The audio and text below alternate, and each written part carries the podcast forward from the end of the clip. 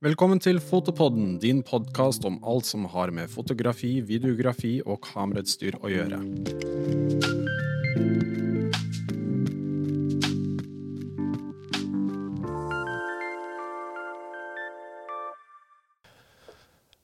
Hei og velkommen til en ny episode av Fotopodden. I dag har vi vært så heldige å få besøk av fotograf Katrine Wessel. Hun er en av de norske fotografene som har klart seg best i utlandet. Men nå har hun valgt å komme hjem til Norge. Hvorfor har du kommet hjem til Norge akkurat nå, Katrine? Du, jeg tror det var planlagt uh, ganske lenge. In the back of my mind, som du sier. Du vet, jeg har jo vært i New York i 30 år nesten. Uh, og, og, det har vært en fantastisk inspirasjon. Uh, New York er en veldig ung by i form av energi.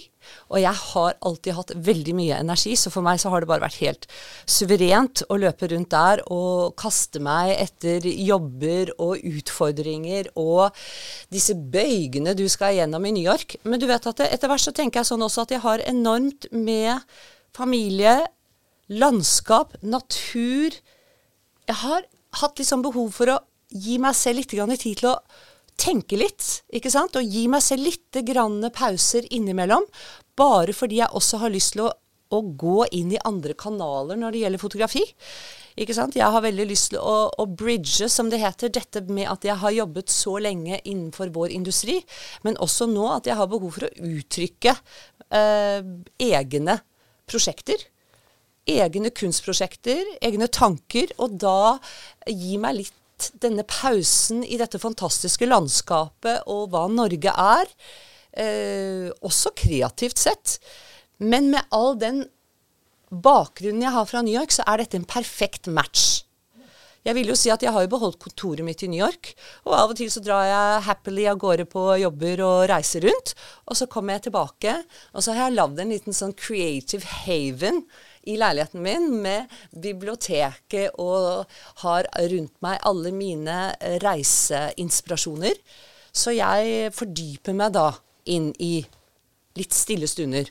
Og det, den kombinasjonen der er jeg forferdelig glad i.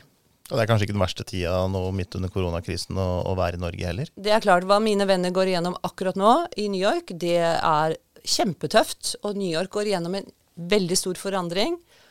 Og jeg vil også si den politiske situasjonen som er i, i Amerika med Trump, har vært en uh, utfordring for de fleste. Men New York er jo på en måte alles drøm, uansett hva du driver med. Uh, og det er jo en vanvittig kamp om beinet på alle områder, egentlig, der. Uh, hva gjør at man som fotograf drar til New York? Hvorfor dro du til New York?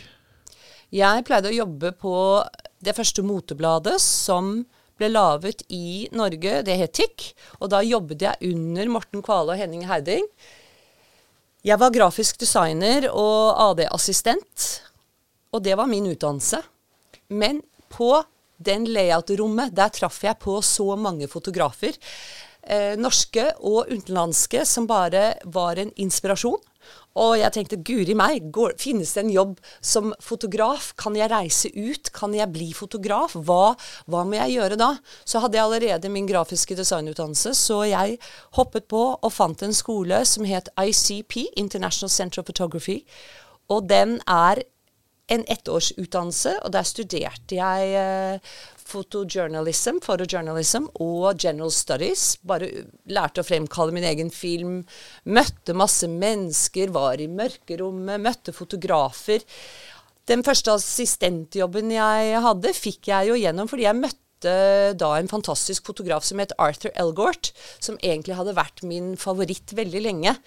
Og skolen greide da å matche meg med han, og jeg fikk et internship der som egentlig skulle være i to måneder. Det ble jo ett og et halvt år hos Arthur, som var en fantastisk begynnelse i New York, da.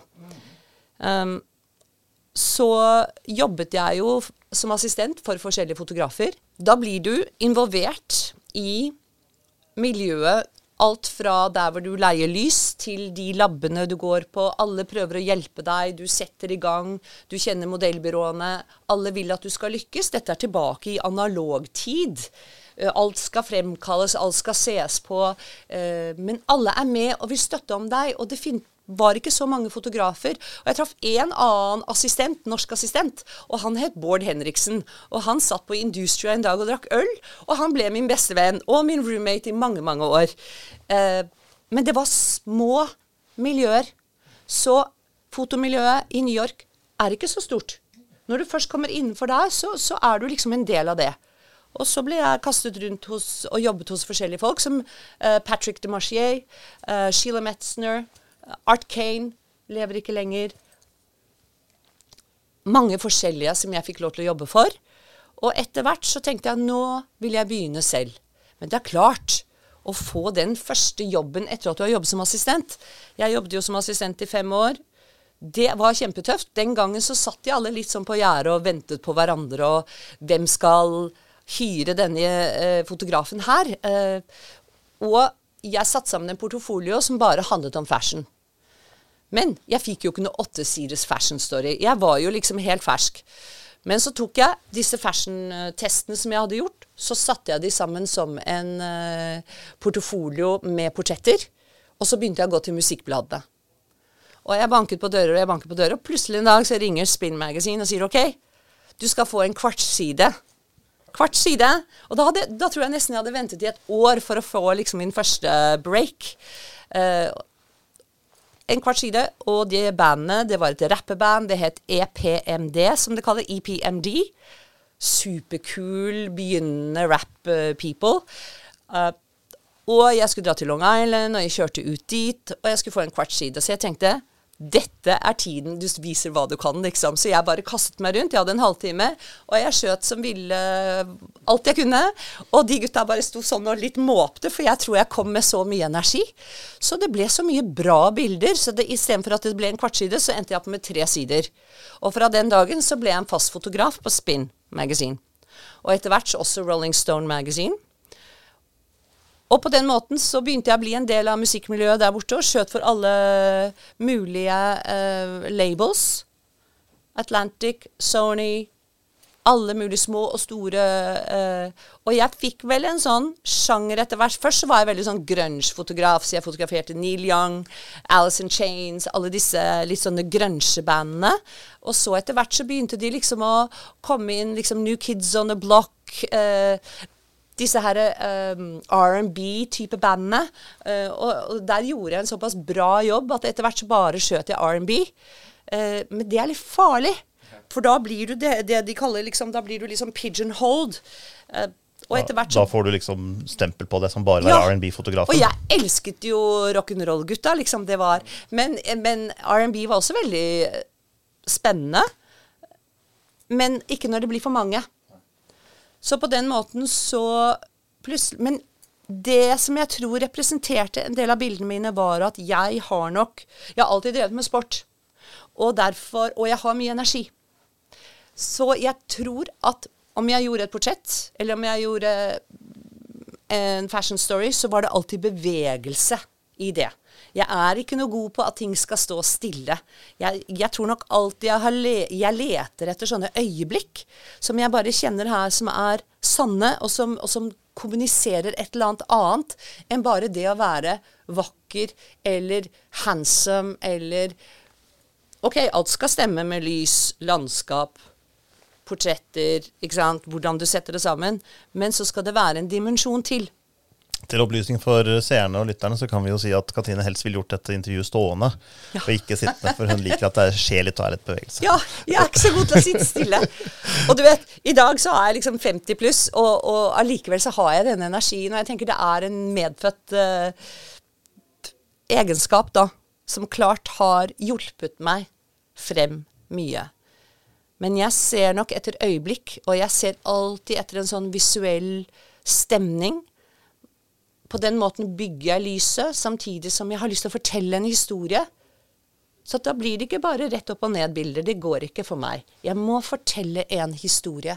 Og jeg tror etter at jeg gjorde musikkbildene med såpass mye energi, så fikk jeg telefon fra Nike. Det var ikke jeg som ringte Nike, de ringte meg. Adidas. De store aktørene den gangen på 90-årene med, med, sport. Hvor lenge hadde du jobbet med musikk da, før du, de ringte? Det ble en sånn myk overgang. Men jeg tror i hvert fall sånn seks-syv år i musikkverden. Så de ringte ikke sånn nummeret etter det Nei, første nei. Nei. Spin og Rolling Stone, der hadde jeg mye bilder. Og på den måten så tror jeg folk så hva jeg gjorde. Men så ser de jo da også at jeg har øh, bevegelse på det. Uh, og under, uh, under Rolling Stone så lå det et blad som het Men's Journal. Eh, nå husker jeg ikke alle bladene jeg skjøt for. Eh, ESPN. Du vet, det er disse sportsbladene. Og de gjør jo også fantastiske editorials. Men så fikk jeg skyte basketballspillere og fektere og, og du vet at eh, kropper og jeg, jeg lyssetter jo veldig mye med HMI-lys. Altså, hva kaller man det her? Dagslys? HMI? HMI? Ja. ja. Eh, slik at du har kontinuerlig lys. Så jeg kan alltid følge de med lyset. Jeg kan alltid se hva slags lys, fordi de er i bevegelse, de står ikke stille. Eh, så tar jeg eh, og lyssetter med HMI-lys. For da kan jeg følge og se hva som skjer i ethvert sekund.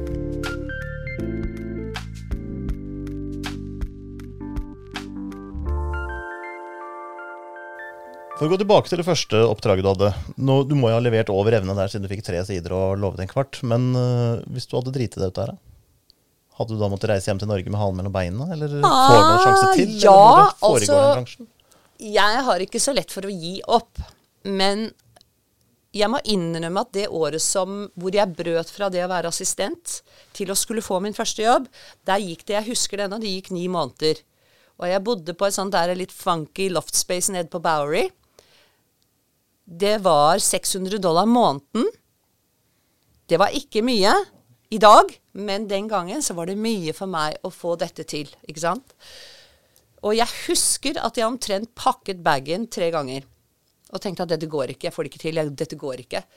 En gang så fikk jeg et lån av en modellvenninne av meg som gjorde det veldig bra. Som sa Katrin, du kan ikke dra hjem ennå. Og en annen gang så tenkte jeg vel, hvis alt, alt skjærer seg, så skal nok Og jeg fikk ikke noe støtte hjemme. Det er, ikke, det er ikke det at man sender sjekker over den gangen og, og støtter. Nei, dette skulle jeg få til selv. Men jeg visste at hvis alt skar seg, så ville jeg få penger til en billett hjem. Og den tryggheten hadde jeg nok i bakhodet, at jeg tenkte at hvis alt, alt går helt feil, og jeg får ikke dette til, så skal jeg nok komme meg på et fly. Men det var, jeg husker nesten tre ganger, og det var tre ganger før Spinn ringte. Men det er noe med at når du får den kvartsiden, så, så kjenner de på at her ligger det noe. Dette, dette skal vi se på. Vi gir henne en kvartside, men vi sier til henne at det er en kvartside. Men de er nok åpne også for at hvis det er rå bra, så kan det hende du får en side. Men da de gjorde tre sider, så kom jeg inn på kontoret til eh, Bob Guccione, som den gangen drev uh, Spin Magazine, og sa Katrine, well done. Ikke sant? Og da vet jeg at OK. Så sa de, og da sa de samtidig du, kan du reise til Seattle og gjøre ja, Happy Mondays, eller hva det var jeg skulle gjøre da. Hvis jeg skal redusere meg til sportsjournalist, hvordan, hva følte du da? Hva sa du nå? at? Hvis jeg skal redusere meg selv til en sportsjournalist, hva følte du da? Da du fikk komme inn på kontoret der og oh, ja. fikk vite at du fikk tre sider og Ja. ble sendt til Seattle, og du på en måte hadde Ja. Da bare da, da Du kan si Du skal ikke være overwhelmed. Sier du 'herregud, herregud, så fantastisk'. Da sier du 'thank you, that, that's great'. Yes, I love to continue shooting for you. I can't wait to go to Seattle. Ikke sant? For da tar du det bare inn, og så tenker du 'yes'. Da, da er jeg over første bøygen. Men du, men du legger deg ikke flat og roper 'hurra, hurra'. For det, ikke sant? Da, da ser de at du Ok, hun er visst ikke helt klar til å være helt profesjonell. For i det øyeblikket jeg skal ut og jobbe, da skal jeg jo møte folk hele tiden som er store stjerner, som er uh, folk vant til å være i en public eye. Og på den måten så må jeg også vise at jeg kan håndtere det mennesket. Fordi når du går inn og gjør et portrett av en kjent person, så vil du gjerne stå likestilt. Du vil gjerne være ikke venn, men en god kommunikator. Du vil være en person som forstår de. Du vil være en person som forstår hvordan de har det å være foran kamera. Og jeg skal lage det trygt og godt for de å være foran kamera. Og da handler det ikke om du er den personen eller den personen. Det handler om at du, jeg, må gå inn og ta vare på de. Og da kan ikke jeg være starstruck eller hoppe opp og ned eller være Ikke sant? Da må jeg, da må jeg lande, lande det. Man må vel kanskje være en god menneskekjenner for å bli god Altså til å fotografere mennesker? For å komme under den huden på så kort tid som du ofte har tilgjengelig? Etter så mange år i New York, så må du også bli kjent med deg selv veldig godt. Fordi du skal gjennom noen bøyger, og du skal greie deg, og du skal holde ut, og du skal være sterk, og du skal ta imot mye kritikk. Så når du lærer deg selv å kjenne, så tror jeg også at du blir litt mer følsom også overfor andre mennesker. Og på den måten så blir man en menneskekjenner for hvem man har foran seg. Og kanskje litt hva de har gått igjennom for å komme der de er. Og også med veldig stor respekt. Og, men ikke sånn in og uh, starstruck. Uh, energi, men, men mer at man respekterer det de har vært igjennom, og, og kan godt uttrykke uh, at jeg er utrolig imponert over det de har fått til, f.eks. Men så kan man snakke om veldig sånn mer medmenneskelige ting og dagligdagse ting, slik at man kommer ned på et normalt nivå.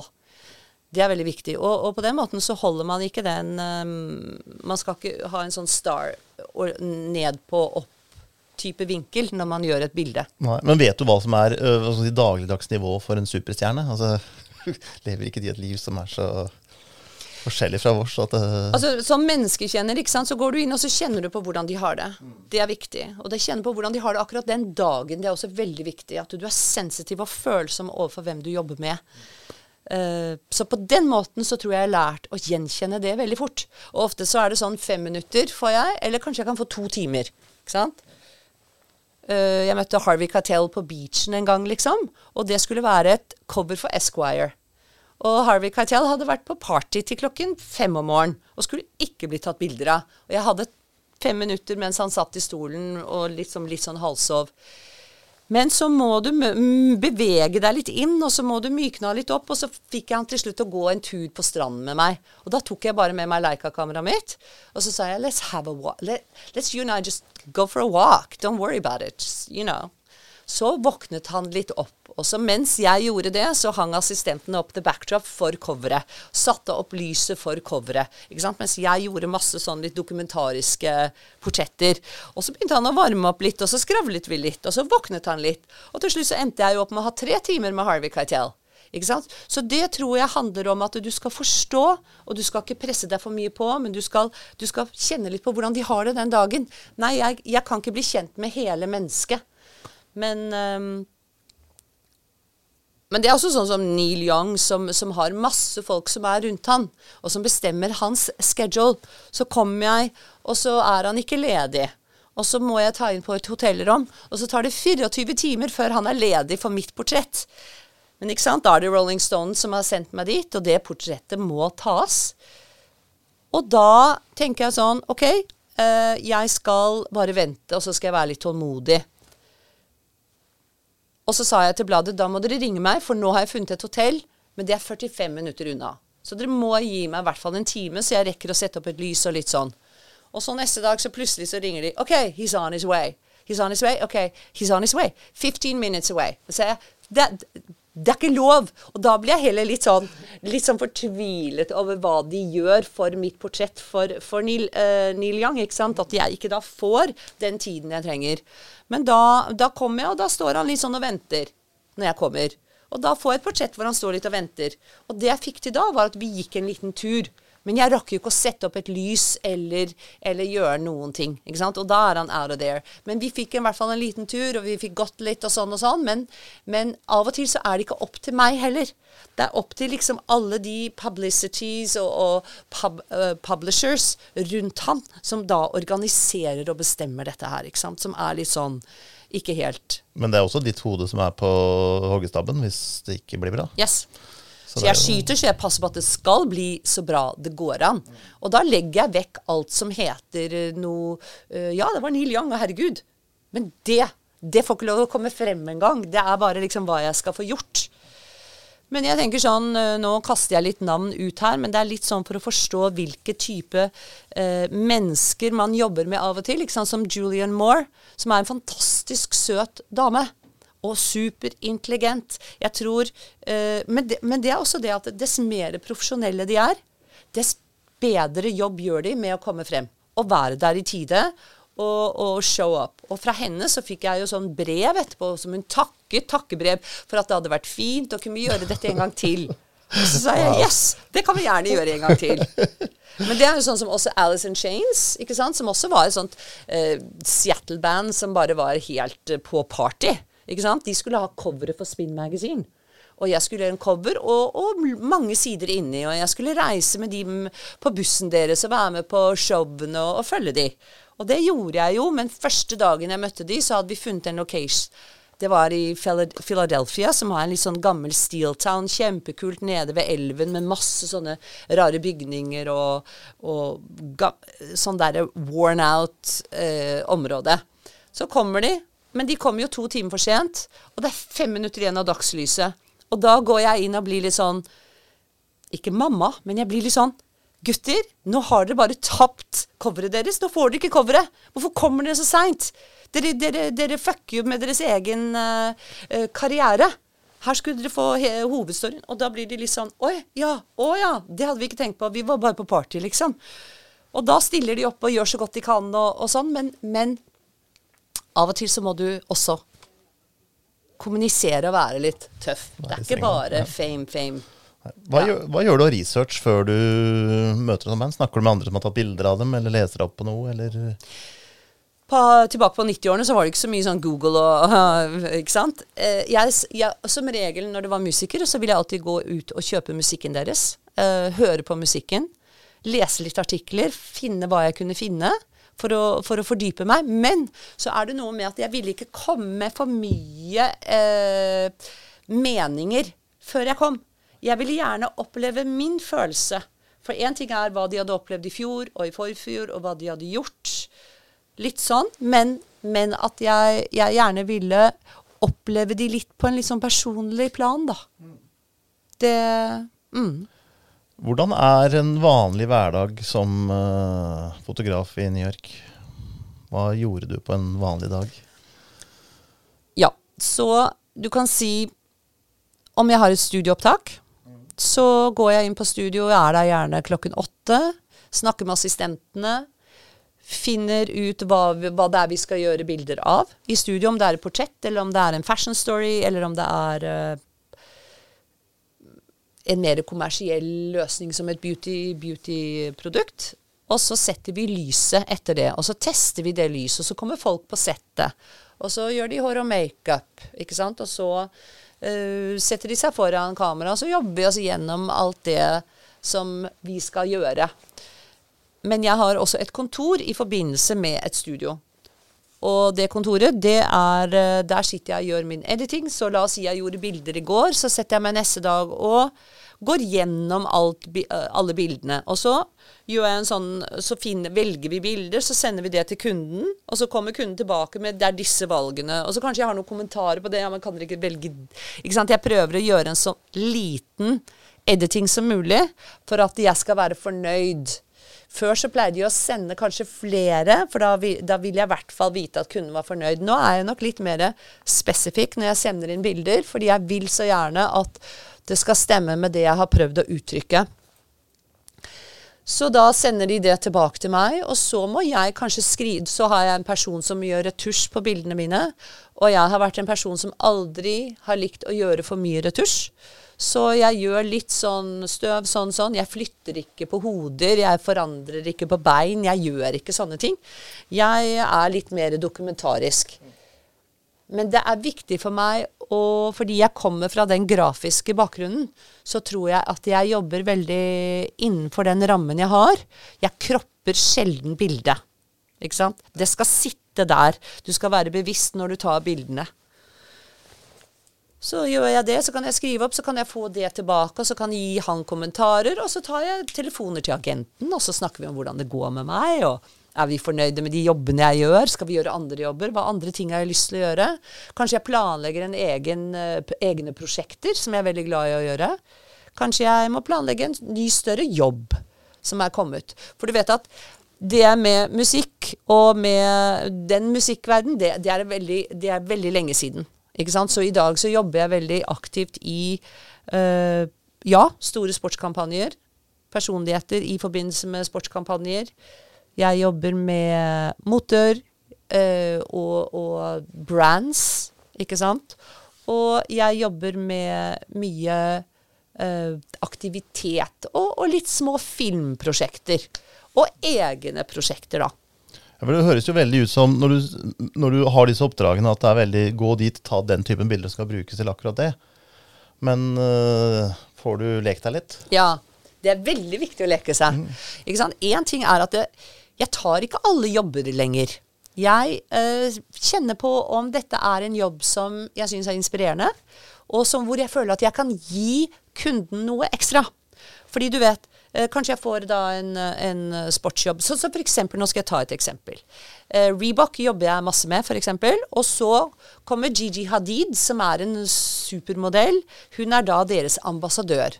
Så da jobber jeg med Gigi. Og så skal de gjøre litt sånn i en boksegym, men hun skal egentlig bare sitte der. Og så skal hun være pen, for Gigi er pen. Og så skal hun ha på seg disse klærne. Og så sier jeg men herregud, vi må jo få henne til å bokse, så vi kan tro på det hun selger. Jeg vil gjerne tro på det jeg tar bilder av. Men jeg vil lage det vakkert, jeg vil lage det flott, jeg vil sette lyset slik at det skal være inspirerende og enhance henne. Da ser jeg på henne, hun har et ganske rundt ansikt. Da setter jeg sidelys. Nå er jeg veldig teknisk. Og kanskje jeg setter et lys som kommer bakfra, som lyser opp det mørke delen, ikke sant? men bare som en highlight.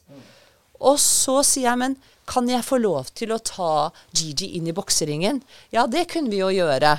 Men, men, hun skulle egentlig stå ved veggen og murveggen og være kul og sitte ved benken og Ikke sant? Så går Gigi inn, for jeg vet at hun er glad i å bokse, og så har hun boksetreneren sin der, og så begynner vi å bokse. Og hun bokser, og hun bokser, og du vet, da blir hun svett. Dette føles riktig. Og da da forsvinner den vakre jenta. Da går hun over i noe helt annet. Da blir hun bokseren som glemmer å være pen, som glemmer å være liksom den vakre, og sånn ser jeg ut i klærne mine. Da blir hun intens, da blir hun kul, da blir hun øh, vakker. Fordi hun da glemmer å være vakker. Og hun glemmer at jeg tar bilder av henne, så hun går bare inn i sin egen greie. Og det er da jeg elsker å være fotograf, fordi da får jeg lov til, som jeg sier, I am then merely the observer av hennes space. Ikke sant? Så det, det Men noen ganger så kommer de med helt sånne uh, Innenfor noen rammer, og da må det gå innenfor de rammene. Og så får jeg ikke egentlig gå hvis det er store celebrities, så, så, får jeg ikke egentlig gått utenfor det. Men de fleste jobbene så får jeg rammene, og så gjør jeg disse rammene. Og så begynner jeg å leke meg. Og så prøver jeg å komme inn i områder og, og, og følelser som handler om deres følelser. Og som handler om at jeg kreerer en space slik at de glemmer at de blir tatt bilder av. At du får en eh, At du får en helt egen atmosfære. Mm. Men bruk, bruker brandet noen gang de bildene der? De kan se på det og si 'Å, gud, det var da interessant'. Så som regel, så da får jeg en ny jobb. Men det, betyr, men det skal ganske mange, mange lag igjennom for at de skal gå for de bildene. Men de kan kanskje gå noe halvveis. Men ikke sant? Eh, det, det, det, de viser, er at jeg tenker, og at jeg prøver, og at jeg tar det så langt jeg kan ta det. Hvis jeg ikke gjør et helt eget prosjekt, liksom. Ja, men da har du egentlig fått tatt hva skal man si, fritidsbildene dine på gratis lokasjon, med gratis toppmodell, og få betalt for det i tillegg, men du gjør egentlig din egen greie. Jeg tror det er veldig, veldig viktig å gå inn å vite hvor rammene dine står. Og det er veldig viktig at du kommuniserer ordentlig. Men det er klart at jeg ser på muligheter uh, på alltid å lage de beste bildene jeg kan lage. Og alltid føle at jeg er inspirert. Jeg vil ikke gå på en jobb hvis jeg ikke er inspirert. Og hvis jeg ikke er inspirert, så tenker jeg ofte da er Katrine, dette er din oppgave å bli inspirert. For det fins alltid et øyeblikk, det finnes alltid et bilde du ikke har tatt før. Så jeg leter, og jeg eh, finner og jeg prøver å kommunisere og skape sammen med de jeg tar bilder av. Men det øyeblikket jeg elsker aller, aller mest, er de når de glemmer plutselig at jeg er der. For de går inn i sin greie. Ja.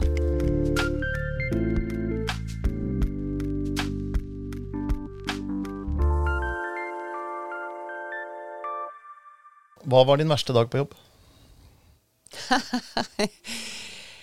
Hvis du sier det, så husker jeg ennå det. Det var helt, helt, helt i begynnelsen av min karriere. Og jeg skulle liksom da For jeg skyter jo med Leica-kameraet mitt, ikke sant. Jeg skyter med veldig sånne bevegelige kameraer. Og så plutselig så fikk jeg en jobb helt tidlig av uh, en, en, en, kampanje for noe som heter Joe Boxer. Joe Boxer, det var uh, noe sånn undertøyskampanje. Og så skulle jeg være stor fotograf. Og så skulle jeg skyte med et sånt kamera, og så skulle jeg gjøre det på den måten. Problemet er det at du skal aldri bruke kamera du ikke har brukt før, på en stor kampanje. Du kan ikke, du kan ikke bare gå og leie deg kamera eller låne kamera eh, som du ikke har brukt før ordentlig når du gjør en stor kampanje, for plutselig så var den kamera satt på et eller annet automatikk og slik at den undereksponerte minus tre, eller hva det gjorde for noe. Den gangen skjøt jeg på Dias. Dette er så lenge siden, så jeg lærte én ting. Du, du kan aldri uh, Du kan aldri bruke et uh, kamera du ikke har brukt før, når du gjør store kampanjer. Du skal ha ting du er veldig, veldig vant med, slik at disse tingene uh, går helt automatisk. Og det er øyet som ser, og sjelen som snakker, når du jobber. Og at dette her kommer bare inn som helt automatikk. Du ser jeg sitter sånn med hendene mine fordi jeg, jeg er så vant til Leicaen, eller, eller, jeg bruker også mye Nikon D5 når jeg gjør mye sportsbilder, fordi den skyter 12 frames per second. Men jeg skyter jo også ofte analogt når jeg kjenner på en viss sånn inspirasjon på at dette her vil jeg gjerne gi litt mer dybde. Og da er kundene åpne for det. Men det er jo også fordi jeg, ble, jeg vokste opp analogt, ikke sant. Så nå har jeg jo en utstilling på Shoot Gallery hvor jeg har kun en analog utstilling. Og dette er arbeidet fra 1997 til 2007. Fordi jeg har eh, skutt veldig mye analogt, og, og, fremdeles av og til i dag så vil jeg dra frem Leicaen. Eller Pentax 6-7, som jeg er forferdelig glad i. Eller mitt Lindhoff 4-5-tomskamera når, når, jeg gjør et portrett. Eller og setter inn film, eh, filmplaten, eller setter inn en filmrull. Da, da uh, sakter vi oss ned, men da jobber vi som jeg tror er veldig veldig viktig som fotograf. Da jobber vi mye mye mer intuitivt. Fordi du kan ikke bare flippe kameraet og se om du har øyeblikket. ikke sant? Da jobber du analogt. Så da må du kjenne det her og her.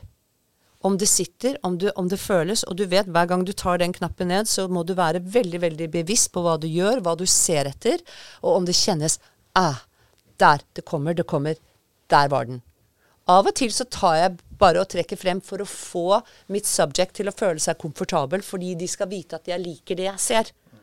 Men jeg vet at jeg sitter og venter på noe spesielt. Ikke sant? Og det kan du ikke se bakpå kameraet eller på computeren etterpå. Det skal du vente på i to-tre dager. Og da må du være super alert, og du må være uh, in, tune, in tune med følelsene dine og den du jobber med. Og derfor syns jeg det er veldig, en sånn god øvelse for meg bare å gå tilbake til analogt innimellom. Og nå på Shoot Gallery så har uh, Helene Gullaker Hansen, som kjører det galleriet, hun plukket ut bilder fra 1997 til 2007 som hun kaller for stolen moments, som er disse øyeblikkene som er tatt lenge etter jeg er ferdig med, med min eh, oppgave, kan du si, og kommer inn i en helt annen energi, hvor jeg jobber veldig intuitivt med personene jeg tar bilder av. Men he hele utstillingen er analog, for jeg tror faktisk at da er jeg eh, meget mer eh, Da er jeg i hvert fall veldig, veldig våken når jeg jobber, og veldig bevisst på hva jeg vil ha.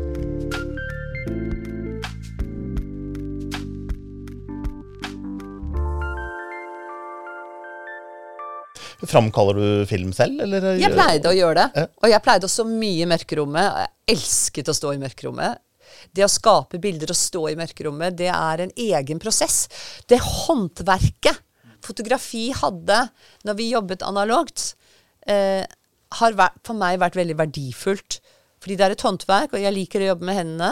Og du fremkaller, du mikser kjemikalier, du skaper.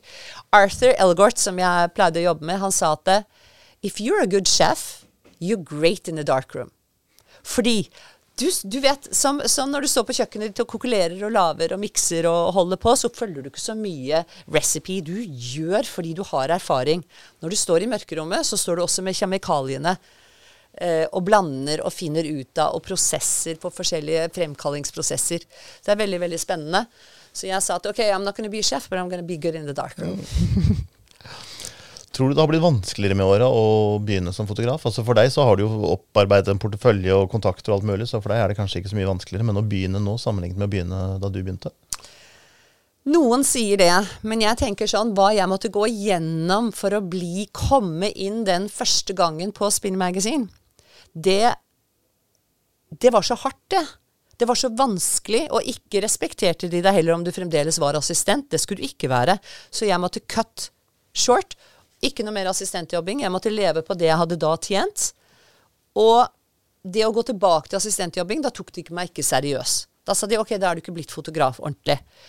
Så det å få muligheten til å komme inn og endelig få sin første jobb, det var sånn Most people didn't make that. De fleste kom ikke så langt. Så det i dag I dag har de websider. Vi måtte gå rundt med sånn forferdelig portefolio med trykte ark, og, og, det kostet masse penger å trykke opp. I dag har man en webside, man kan skyte digitalt, man kan gå ut og skyte hva man vil. Man betaler ikke for fremkalling, man betaler ikke for bilder.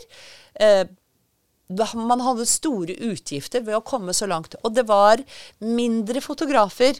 I dag er det flere. Men er du rå god, så er du god. Ikke sant? Det er noe med det. Er du god, så er du god, liksom. Eh, og da kommer du dit du vil. Og dette her med å jeg, jeg, har jo alltid vært en person som har drømt og ønsket og villet. Men jeg er veldig, veldig glad for også at jeg var litt naiv til hva jeg egentlig skulle igjennom. Fordi det at jeg var litt naiv, det gjorde at jeg dro til New York. Det at jeg var litt naiv, det var det at jeg satte i gang og, og, og og skulle få første jobbene. ikke sant? Men hvor vanskelig det var, og hvor lite man tjener egentlig. Den der notion på at folk tror at du blir rik når du er fotograf. Jo, du kan tjene bra penger. Absolutt. Og jeg får store kunder, og jeg kan kanskje tjene to store jobber. Våren kan holde meg helt til neste jul. Ikke sant? Så ja. Men det er der å få de to jobbene som er vanskelig? Som er de store jobbene som har mye penger. Men du kan si at det, så mye penger som vi bruker i utstyr, eh, på egne prosjekter, på utvikling av deg selv, på kameraer, på computer i dag, på alt det som skal til. Det er studioassistenter. Det er enorme expenses. Men jeg gjør fotografi fordi jeg elsker fotografiet, og fordi jeg har hatt den derre Men den der dokumentariske bakgrunnen og vært inspirert av disse fantastiske fotografene som jeg har møtt på min vei, uh, så er det et utrolig kreativt yrke og et utfordrende yrke. Og jeg har liksom Det er hobbyen min, det er livet mitt, det er uh, Jeg har ikke noen kjedelige dager. Jeg ser ikke frem til lunsjen, liksom. Det er jo en vits som går omtrent sånn How do you make a small fortune in photography? You start with a large fortune. Ja. Mm. Vel, hvis jeg bare hadde hatt en large fortune når jeg startet. Men det, det hadde jeg heller ikke. Så jeg er eh, self-made og fra scratch. Og det er jeg vel stolt av. Det kom ikke inn noen bakvei. Men det er eh, Og det å få lov til å komme hjem til Norge og se alt som skjer her, og jeg syns jo det er utrolig mange dyktige fotografer. Det er veldig morsomt og spennende å få lov til å være med liksom, i den konkurransen nå. For nå syns jeg liksom at her beveger det seg masse. Det er også vanskelig å få for det er jobbene, fordi det er mange som uh, Det er ikke så mange jobber, og det er mange fotografer. Men jeg håper folk kan se at uh, jeg kan gjøre en ålreit jobb, da, hvis jeg får en jobb. Mm, for du vil ikke bare jobbe i New York, du vil jobbe i Norge også? Jeg har en agent i New York, og så har jeg en agent i London. Og så har jeg en agent i Tyskland. Og så har jeg forferdelig lyst til å se om jeg kan få en agent i Norge. Jeg er utrolig glad i å jobbe, og jeg er utrolig glad i mennesker, og jeg er utrolig glad i utfordringen. på å skape det beste bildet jeg kan skape. Og det å få lov til å jobbe i Norge med den naturen vi har her, de vakre menneskene, det eh, kreativiteten som skjer her, så syns jeg det er veldig veldig spennende å få lov til å være med på det. Og London er kreativ på én måte, New York er kreativ på en annen måte. Tyskland er jo helt konservativ og derfor kreativ på en annen måte. Så jeg syns jo det å få lov til å være med i Skandinavia, er, eh, eller Norge, er eh, kjempespennende.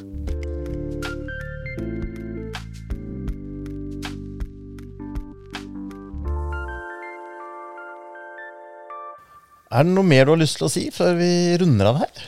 Uh, ja. Jeg tenker sånn at fra å gå fra musikkverden til å gå så inn i sportsverden som jeg gjorde, så beveget jeg meg derfor videre inn.